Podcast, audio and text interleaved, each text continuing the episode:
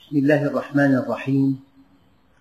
الحمد لله رب العالمين والصلاة والسلام على سيدنا محمد الصادق الوعد الأمين.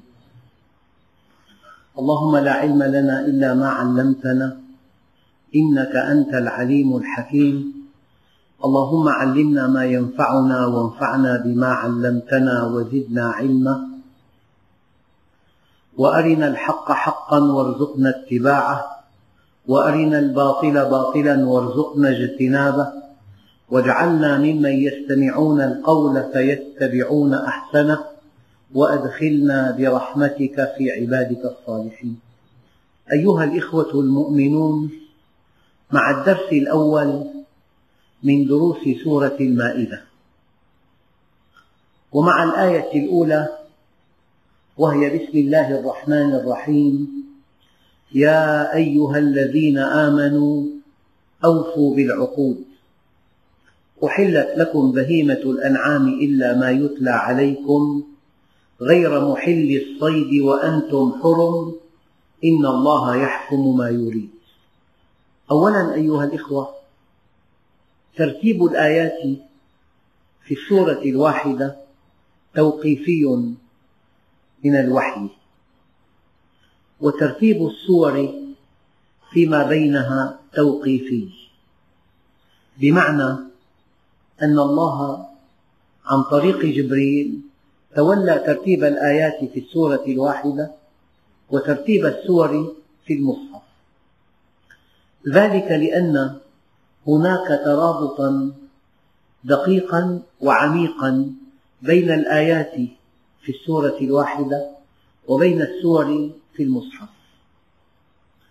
فحينما جاء في سورة النساء عقود كثيرة كعقد النكاح وعقد الصداق وعقد البيع وعقود أيضا أخرى فجاءت مقدمة هذه السورة أن يا أيها الذين آمنوا أوفوا بالعقود. شيء آخر. أن الله سبحانه وتعالى كما أذكر دائما يخاطب الناس بأصل الإيمان ويخاطب المؤمنين بالتكاليف.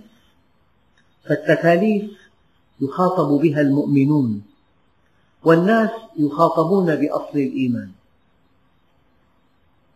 إذا حيثما قرأت قوله تعالى يا أيها الذين آمنوا ينبغي أن تعلم هذا من التكليف. وهذا التكليف طبيعي جدا لمن آمن بالله يعني طالب في جامعة وعاش مع هذا الأستاذ سنوات عديدة وانتقل معه من سنة إلى سنة.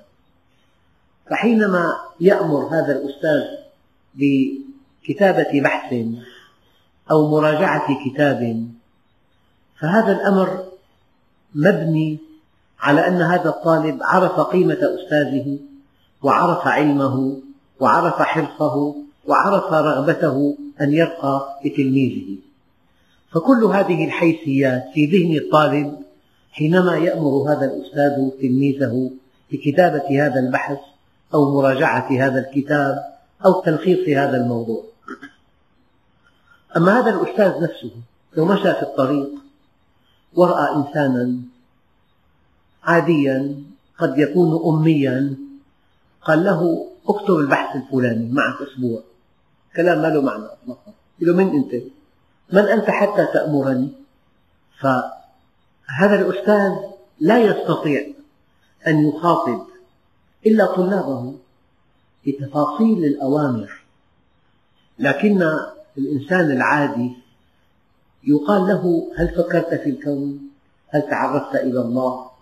ألست, مسلم ألست مسلما؟ ينبغي أن تصلي فدائما وأبدا الله عز وجل يخاطب الناس بأصول الإيمان بأصول الدين أم خلقوا من غير شيء أم هم الخالقون أما إذا خاطب المؤمنين يخاطبهم بالتكاليف إذا شرف كبير أن تكون مشمولا بقوله تعالى يا أيها الذين آمنوا. بل هناك أبلغ من ذلك أن الله سبحانه وتعالى حينما يقول قل لعبادي. هذه الياء ياء النسب. وقد نسب العباد إلى الله عز وجل. عبادي. قل يا عبادي الذين أسرفوا على أنفسهم. هذه نسبة شرف وتكريم. يعني ما من مرتبة ينالها الإنسان كأن يكون منسوبا إلى الله عز وجل. يعني من باب الاعتزاز أن تقول أنا ابن فلان. أنا من بيت علم فرضا. أنا منسوب إلى العالم الفلاني.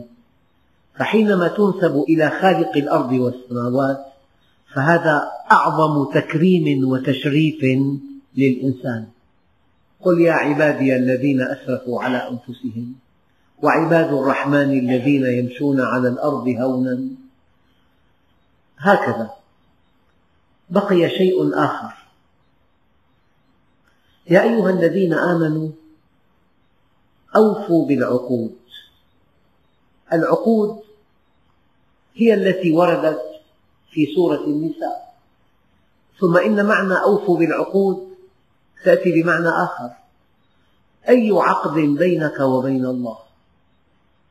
حينما تذهب إلى العمرة أو إلى الحج وتقف أمام الحجر الأسعد وتشير إليه وتقول اللهم إيمانا بك وتصديقا بكتابك واتباعا لسنة نبيك يا رب أعاهدك على التوبة النصوح. يا رب أعاهدك ألا آكل مال حرام ما حييت. يا رب أعاهدك على غض البصر ما حييت. يا رب أعاهدك على فعل الخيرات وترك المنكرات وحب المساكين. يعود إلى بلده وكأن شيئا لم يكن. لذلك قال الله تعالى فما وجدنا لأكثرهم من عهد وإن وجدنا أكثرهم لفاسقين. فشيء مؤلم جدا أن تعاهد الله ثم تنسى. أن تعاهد الله ثم تخلف هذا العهد. الله عز وجل كأنه يعاتبنا أو يأمرنا يا أيها الذين آمنوا أوفوا بالعقود. والشيء الذي يهز مشاعر الإنسان قوله تعالى وإبراهيم الذي وفى. وفى ما عليه. يعني رائع جدا أن تعاهد الله وأن تبقى عند عهدك. من المؤمنين رجال صدقوا ما عاهدوا الله عليه فمنهم من قضى نحبه ومنهم من ينتظر وما بدلوا تبديلا. المؤمن لا يبدل لا في الشدة ولا في الفقر ولا في المرض ولا في القلق. عاهد الله على طاعته فهو على عهده قائم في الشدة والرخاء. في الغنى والفقر قبل الزواج وبعد الزواج قبل المرض وبعد المرض أخذ قرارا مصيريا بطاعة الله عز وجل. أما هؤلاء المتقلبون الذين يعبدون الله على حرف تارة يقبلون وتارة يعرضون تارة يتمسكون وتارة يتفلتون هؤلاء في مرتبة دنيا. حينما قال الله عز وجل وإنك لعلى خلق عظيم. يعني هو في الأعماق ورائع جدا أن تكون في الأعماق. لا تتأثر لا بحدث ولا بمصاب ولا بفقر ولا بغنى. راض عن الله عز وجل. والله وإن فتتوا في حبهم كبد باق على ودهم راض بما فعلوا. هؤلاء الذين تساق لهم الشدة ويصبرون هؤلاء عند الله في أعلى مكان. انظروا عبدي ترك شهوته من أجلي. يعني معظم الناس في الرخاء يشكرون الله لكن الشدة تفرزهم إلى مؤمن وإلى ضعيف الإيمان. والأحداث الأخيرة كأنها فرزت بعض الناس فحينما لم تتحقق ما كان المسلمون يصبون إليه. وأصبحت حالة الإحباط منتشرة بين المسلمين. هناك من ترك الصلاة ويصلي إذا في انتصار ثم لا يصلي إن لم يحقق هذا الانتصار. هؤلاء الذين يعبدون الله على حرف. فالعقود هي العقود مع الله. ومن أدق معاني العقود أن الله حينما أمرك بالعبادات هي عقود إيمانية وحينما أمرك بالصدق هي عقود تعاملية وحينما أمرك ببعض الأوامر الأخلاقية هي عقود أخلاقية. فأنت مكلف أن تفي بالعقود الإيمانية والعقود التعاملية والعقود الأخلاقية. وكل أمر في القرآن الكريم يعني عقدا بينك وبين الله. ينبغي أن توفيه. وكل نهي في القرآن الكريم يعني عقدا بينك وبين الله ينبغي أن تبتعد عنه. وكل دعوة من الله عز وجل إلى عمل صالح هو عقد مع الله ينبغي أن تفعله. وقد قال الله عز وجل من ذا الذي يقرض الله قرضا حسنا فيضاعفه له أضعافا كثيرة؟ أرأيتم إلى هذه الآية؟ كأن الله سبحانه وتعالى يقول أقرضوني يا عبادي. أقرضني معالجة هر أصابه حادث ولا أحد يهتم به. إنك إن أخذت هذا الهر إلى طبيب بيطري وعالجته أقرضت هذا لله عز وجل. أقرض الله عز وجل عملا صالحا تبتغي به وجه الله عز وجل. فيا أيها الإخوة أوفوا بالعقود يعني نفذوا هذه العقود. أما أوفوا هذا الفعل ثلاثي لكنه غير مستعمل كثيرا وفى ورد منه اسم تفضيل على وزن أفعل. ومن أوفى بعهده من الله. إلا أن الفعلين اللذين يستخدمان في اللغة فعل وفى وإبراهيم الذي وفى وفي فعل أوفى يا أيها الذين آمنوا أوفوا بالعقود. وما من صفة ترقى بالإنسان كالوفاء بالعهد والعقد. وما من صفة تحطمه وتلغي إنسانيته كأن يتنكر لعقوده ولعهوده.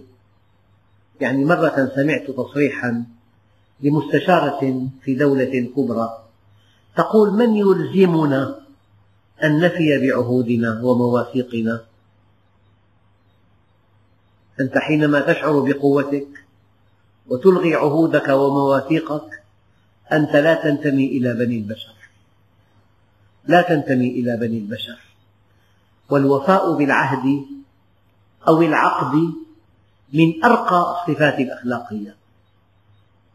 أذكر أن إنسانا عرض بيته للبيع فجاء من يشتريه بمبلغ ولحكمة أرادها الله عز وجل بعد حين جاء من يدفع له ثلاثين بالمئة زيادة عن هذا المبلغ. فالذي اشترى البيت بلغه أن فلان عرض على صاحب البيت هذا المبلغ فأيقن يقينا قطعيا أنه لن يبيعه البيت. حسب أخلاق الناس الآن. جاء وقت تنفيذ الوعد وكتابة العقد فذهب إليه ومعه المبلغ الأول فاستقبله بترحاب وكتب العقد ووقعه وهو يعلم علم اليقين أن زيدا دفع له ثلاثين بالمئة من ثمن البيت. بعد أن وقع العقد ونقده المبلغ قال له عندك سؤال. ألم يعرض عليك ثمن أعلى؟ قال نعم. ولكني لا أبيع ديني. لا أبيع ديني. هكذا كان المسلمون يوفون بعهودهم ومواثيقهم وعندئذ يرفعهم الله عز وجل. أما حينما نقلد التائهين نقلد الشاردين ونتنكر بعقودنا ومواثيقنا ولا نعبأ بها بقي الدين اسما والقرآن رسما. وانتهى. المسلمون وسقطوا من عين الله عز وجل ولأن يسقط الإنسان من السماء إلى الأرض أهون من أن يسقط من عين الله. فإذا عقدت عقدا ينبغي أن تنفذه. وإذا عاهدت عهدا ينبغي أن تنفذه. وهذا يرفعك عند الله عز وجل. والدنيا تذهب وتأتي. ولكنك إذا سقطت من عين الله لن تستطيع أن تفعل شيئا بعد ذلك يقربك من الله عز وجل. إلا أن تتوب توبة نصوحة وأن تعاهده ثانية على الوفاء بالعهد. يا أيها الذين آمنوا أوفوا بالعقود. إذا هي العقود بينك وبين الله. وقد توسع المفسرون بفهم كلمة العقد.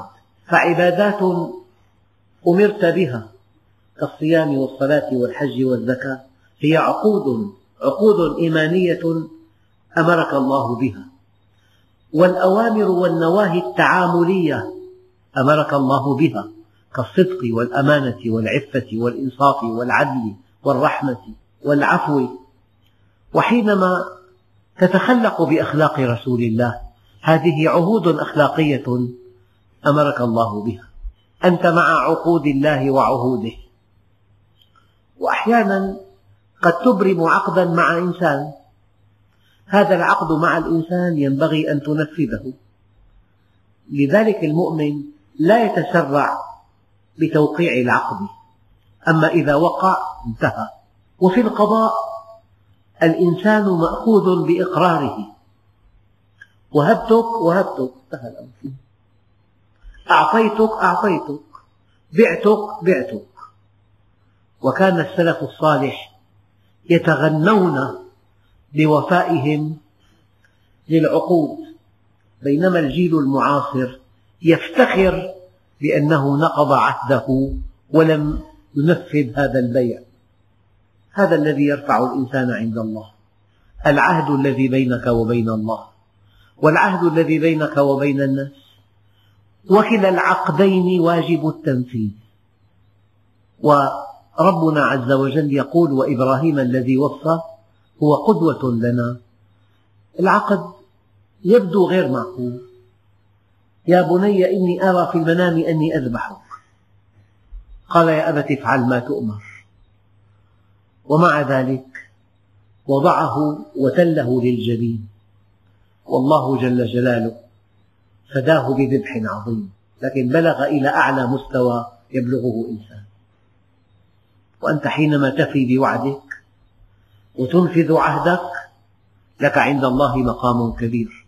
وحينما تتنكر لعهدك وعقدك تسقط من عين الله. سمعت قصة أن امرأة خطبت من شاب هكذا سمعت من شاب مؤمن يعمل مهندسا في بلد نفطي. وتمت الخطبة وعقد العقد وانتهى كل شيء. وهناك رسائل واتصالات هاتفية بين الخاطب وبين مخطوبته وهي زوجته بعد العقد جاء من يخطبها وهو غني كبير ماذا فعلت الأم؟ أمرت ابنتها أن تقطع اتصالها بخطيبها وزوجها وأرسلت الهدايا إلى بيت أهل الخاطب وكانت قطيعة بين الزوجة وبين الزوج. وقيل له لا بد من تطليقها لا نريدك. فلما رأى إصرارهم طلقها أعطيت لهذا الخاطب الغني. ولحكمة أرادها الله عز وجل هذا الغني طلقها. ثم تزوجت ثالثا وطلقها. وهي في هذا الوقت عانس تعيش مرارة العنوسة لأنها طمعت بالمال وكانت أداة بيد أمها. فالوفاء بالعهد والعقد صفة في الإنسان رفيعة. لا يعلم إلا الله كم لصاحبها من مكانة عند الله عز وجل. فالإنسان يعيش بسمعته يعيش بأخلاقه يعيش بدينه. عند الله محمود وعند الناس محمود. ومن ألطف ما فسره المفسرون بكلمة محمود محمود عندك أنت محمود عند نفسك ومحمود عند الله ومحمود عند الناس. إذا كنت وفيا بالعقود والعهود. يعني سمعت قصة ثالثة مفيد جدا أن نتابع هذا الموضوع. شابان كانا على مقعد دراسة واحد. الأول صار من كبار تجار البناء. والثاني بقي ذا دخل محدود عنده دكان صغيرة يرتزق منها. لما كبرا الثاني الفقير أراد الزواج ليس عنده بيت. فذهب إلى صديقه الذي كان معه على مقعد الدراسة ورجاه أن يؤجره بيتا من بيوته تاجر عمار كبير. قال له بلطف بالغ والله أنا لا لا أؤجر البيوت أنا أبيعها فقط فاعذرني. ألح عليه ثانية فاعتذر. ألح عليه ثالثة فاعتذر. قال له مرة عهدا لله. إن أجرتني بيتا وجاء من يشتريه أسلمك إياه في يوم واحد. يبدو أن الصديق الثاني يعني صدقه ورقت نفسه وأسكنه هذا البيت في أحد أرقى أحياء دمشق. وكانت أسعار البيوت متدنية جدا. بعد أربع سنوات جاء من يشتري البيت برقم فلكي ارتفعت الأسعار.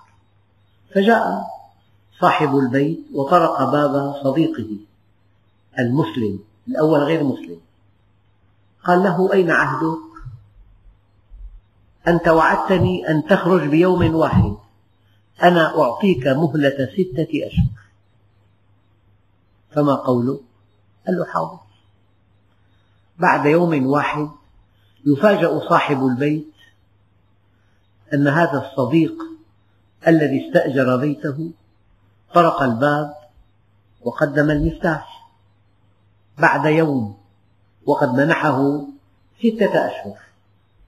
لم يصدق. انطلق إلى البيت فإذا البيت في أعلى درجة. نظيف الحاجات كلها صحيحة كل الوسائل التي أعطاه إياها سليمة. فسأل. القصة دقيقة جدا. لما فتح الباب ودخل وخرج فتح الجيران الباب وسألوه كم دفعت له من المال حتى خرج؟ قال والله ما دفعت له شيئا إلا أنه وعدني ووفى بعهده. قالوا عجيب. باع كل أساس بيته في سوق في الشام بأبخس الأثمان وسكن مع أهله في فندق. قال هكذا؟ قالوا والله هكذا. فذهب إليه. لأنه قال له عهد الله علي أن أسلمك البيت بعد يوم من طلبك إياه. هذا الرجل كبر عنده هذا العمل. هذا عمل بطولي. فالتقى به في الفندق. وأقسم له بكل ما يؤمن أنه يعود إلى البيت. وقد باعه إياه بثمن البيت يوم سكنه. وفي أبخس الأسعار وأن كل الأجر الذي دفعه من ثمن البيت. والأساس تكفل أن يؤسس له أساسا جديدا. هذه قصة وقعت في دمشق. هذا وفاء العهد. كان في دمشق أكثر من سبعمئة ألف بيت مغلقة لا تؤجر لأن هناك أزمة ثقة بين الناس. يسكن البيت ويقسم بأبلغ الأيمان ثم يتحكم بالبيت ولا يعبأ بشيء ولا يخرج ولا بأية وسيلة. المشكلة أيها الإخوة بيننا مشكلة ثقة. فإذا كان المسلمون عند عهودهم ومواثيقهم والله تحل آلاف المشكلات. والله تحل كل المشكلات. بلغني أنه في بلد غربي تقليد رائع. لك مثلا تعويض عشرة آلاف وأنت بحاجة ماسة إليه. فتأتي إلى المحاسب وتوقع توقيعا خاصا اسمه توقيع شرف أن لك هذا المبلغ. وتقبضه والمعاملة تمشي على الرخاء. يعني هذا التوقيع مقدس. إذا وقعته معنى ذلك أنك صادق مئة بالمئة تحل بهذا التوقيع كل المشكلات أحيانا الإنسان يدفع ثمن باهظ كبير لتعقيد في المعاملات. أما إذا كان هناك صدق وأمانة والله الحياة مع الناس جنة والله. أما الآن من ضعف دين الناس وضعف وفائهم بعقودهم وعهودهم ومواثيقهم.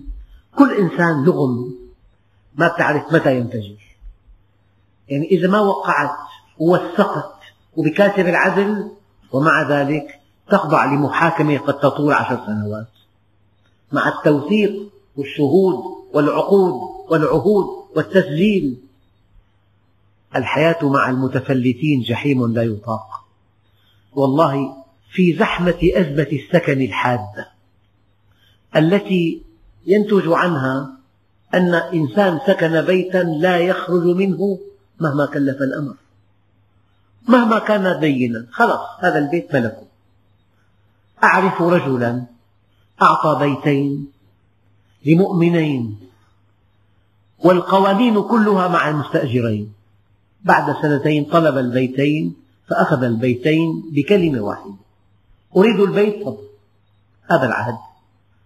بيت فارغ. كم بيت قبل قانون الإيجار الأخير؟ مغلق سبعمائة ألف بيت في دمشق. مغلق. لا تعطى لأحد. لأن هناك أزمة ثقة بين الناس. فحينما قال الله عز وجل يا أيها الذين آمنوا أوفوا بالعقود. والله الذي لا إله إلا هو. أنت حينما تفي بعهدك وتنفذ العقد الذي بينك وبين مسلم تشعر برضا الله عز وجل. لي جار هنا في الحي كان يحضر عندنا. يعني له مكانة كبيرة له عمل رسمي بأعلى مستوى. انتهت مدة خدمته. محمي موظف يقول صاحب البيت. طرق بابه. هذا المفتاح. جزاك الله خيرا. كاد توازن صاحب البيت يختل. معقول من دون سبب من دون ثمن من دون فروض من دون أن تستعصي بالبيت أبدا. هذا بيتك وهذا المفتاح. ولك الشكر. الحياة مع المؤمنين والله جنة أيها الأخوة. لأن المؤمن يفي بعهده ويحترم وعده. ووعد الحر دين. والوفاء بالعقد عمل عظيم وتنفيذ العهد عمل عظيم. والله عز وجل يقول يا أيها الذين آمنوا أوفوا بالعقود. لو وقع ألف عقد. إذا الأسعار ارتفعت كل هذه العقود تصبح باطلة. يقول لك ما تطوب إلا بمئة ألف.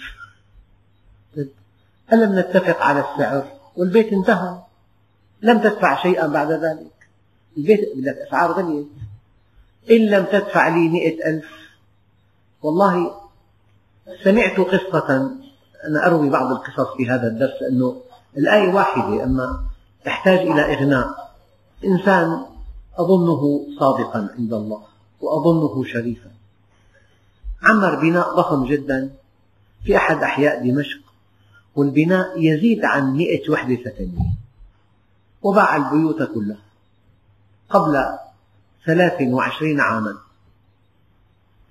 هناك عقبات إدارية حالت بين صاحب هذا المشروع وبين تسجيل البيوت لأصحابها في السجلات الرسمية هم ماذا ظنوا؟ ظنوا كبقية تجار العقارات أنه لا يسجل إلا بمبلغ كبير الفرق ما هو؟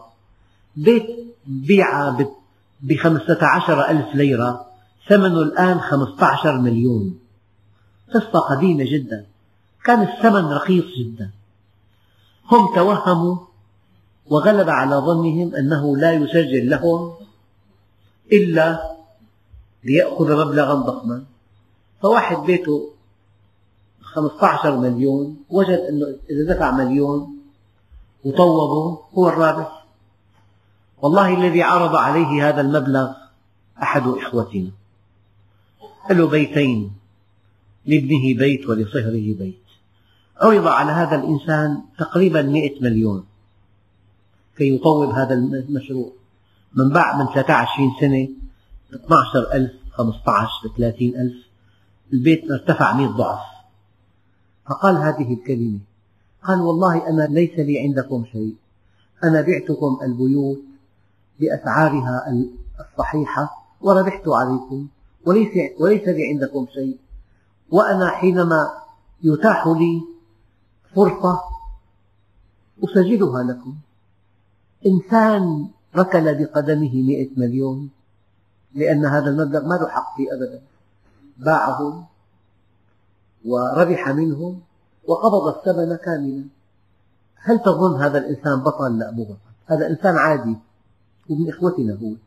لكن لأنه العمل الصالح نادر جدا صار والاستقامة نادرة جدا كأنه صار بطل وليس بطلا إلا أنه قال أنا ليس لي عندكم شيء أنا بعتكم وقبضت الثمن وربحت عليكم وليس لي عندكم شيء. وبعد شهرين فيما أعلم سجل كل هذه البيوت لأصحابها بعد أن زالت العقبات. هذا المؤمن أخواننا هذا هو المؤمن. وفي مؤمنون معاصرون ينفذون عقودهم ومواثيقهم. ولا يعبؤون ولا بقرار أحيانا القرار يحميك لكن من يحميك في القبر؟ في الحياة الدنيا هناك بعض القوانين تحمي بعض الناس لكن من يحمي الإنسان في القبر؟ لما فعلت هذا؟ أخواننا الكرام أنا أتمنى دائما أن تسأل نفسك إذا عملت عملا هل هيأت لله جوابا؟ لو سألك أنا أقول لكم البطل هو الذي يهيئ لله يوم القيامة جوابا عن كل عمل يعمله. قد تستطيع أن تتحكم بالآخرين لأن القوانين إلى جانبك. ولكن من يحميك من الله عز وجل؟ أنا لا أنسى كلمة قالها الحسن البصري لوالي البصرة حينما كان زائرا عنده. جاءه توجيه من يزيد بن معاوية. يبدو أن هذا التوجيه فيه ظلم شديد. فإذا نفذه أغضب الله عز وجل. وإذا لم ينفذه أغضب الخليفة. وربما أزاحه من مكانه. وقع في حيرة شديدة. وكان عنده الحسن البصري. قال يا إمام ماذا أفعل؟ قال كلمة. والله أتمنى على كل واحد منكم أن يجعلها شعارا له قال له إن الله يمنعك من يزيد ولكن يزيد لا يمنعك من الله. أنت حينما تشعر أن القوانين إلى جانبك وساق الله لهذا الإنسان مرضا خبيثا ماذا يفعل؟ ما قيمة المال عندئذ؟ مرة كنت عند طبيب قلب وجاءه اتصال هاتفي سمعت المكالمة. جهاز قديم صوته عالي جدا. قال له أي مبلغ تدفعه؟ وإلى أي مكان نذهب به؟ قال له والله ما في أمل. سرطان للدرجة الخامسة. ما في أمل. فإذا ساق الله للإنسان شدة وكان قد أخلف وعوده ومواثيقه. أناس كثيرون اغتصبوا شيئا ليس لهم ودخلوا مع أصحاب هذا البيت بالمحاكم سنوات طويلة. ثم صدر حكم لصالحهم لأن القانون معهم. والله بعد الحكم بيومين وافته المنية ولم يستمتع بالبيت. أحيانا الإنسان يعمل عمل يلعنه الله والملائكة والناس أجمعون فأنا أتمنى عليكم آية قصيرة جدا. يا أيها الذين آمنوا أوفوا بالعقود نفذ وعدك. نفذ عهدك. حتى مع الصغير. تعال هاك. قال النبي الكريم لإحدى قريباته ماذا أردت أن تعطيه؟ قالت ثمرة في يدي. قال أو إنك لم لو لم تفعلي لعدت عليك كذبة. لي قريب مقيم بأمريكا جاء زائرا قبل سنوات. له أب صغير جدا. جدته لعب كثيرا وشوش على الناس كثيرا. قالت له اجلس مساء آخذك إلى مكان جميل. قام جلس وسكت مساء مشي قل له كذب بكذب. قال أنت وحدة كذابة. هذا الطفل الصغير انتبه لو طفل صغير إن وعدته ينبغي أن توفي له. أبدا. أحد علماء الحديث جاء من المدينة إلى البصرة ليتلقى حديثا من إنسان. رآه يرفع ثوبه ليوهم فرسه أن في ثوبه علفا فلما وصلت إليه قبض عليها وأرخى ثوبه. عاد إلى المدينة. هذا الذي يكذب على الفرس لا يمكن أن آخذ عنه حديثا عن رسول الله. مثل التعبير العامي المؤمن شغلة كبيرة كثير. المؤمن أخلاقي وعد وعد خلص أيها الإخوة ما أتمنى إلا أن تنقلب هذه الآية أن تترجم إلى سلوك. يا أيها الذين آمنوا أوفوا بالعقود نفذ العقد بس كن دقيقا قبل كتابة العقد. يعني بالتعبير التجاري شطارتك قبل العقد لا بعد العقد. كل شطارتك وذكائك قبل العقد. لكن بعد العقد بعد ما وقعت انتهى كل شيء. لذلك العوام بيقولوا ألف قلبة ولا غلبة. هذول العوام الشياطين. أما المؤمنون ألف غلبة ولا قلبة. هكذا. والحمد لله رب العالمين.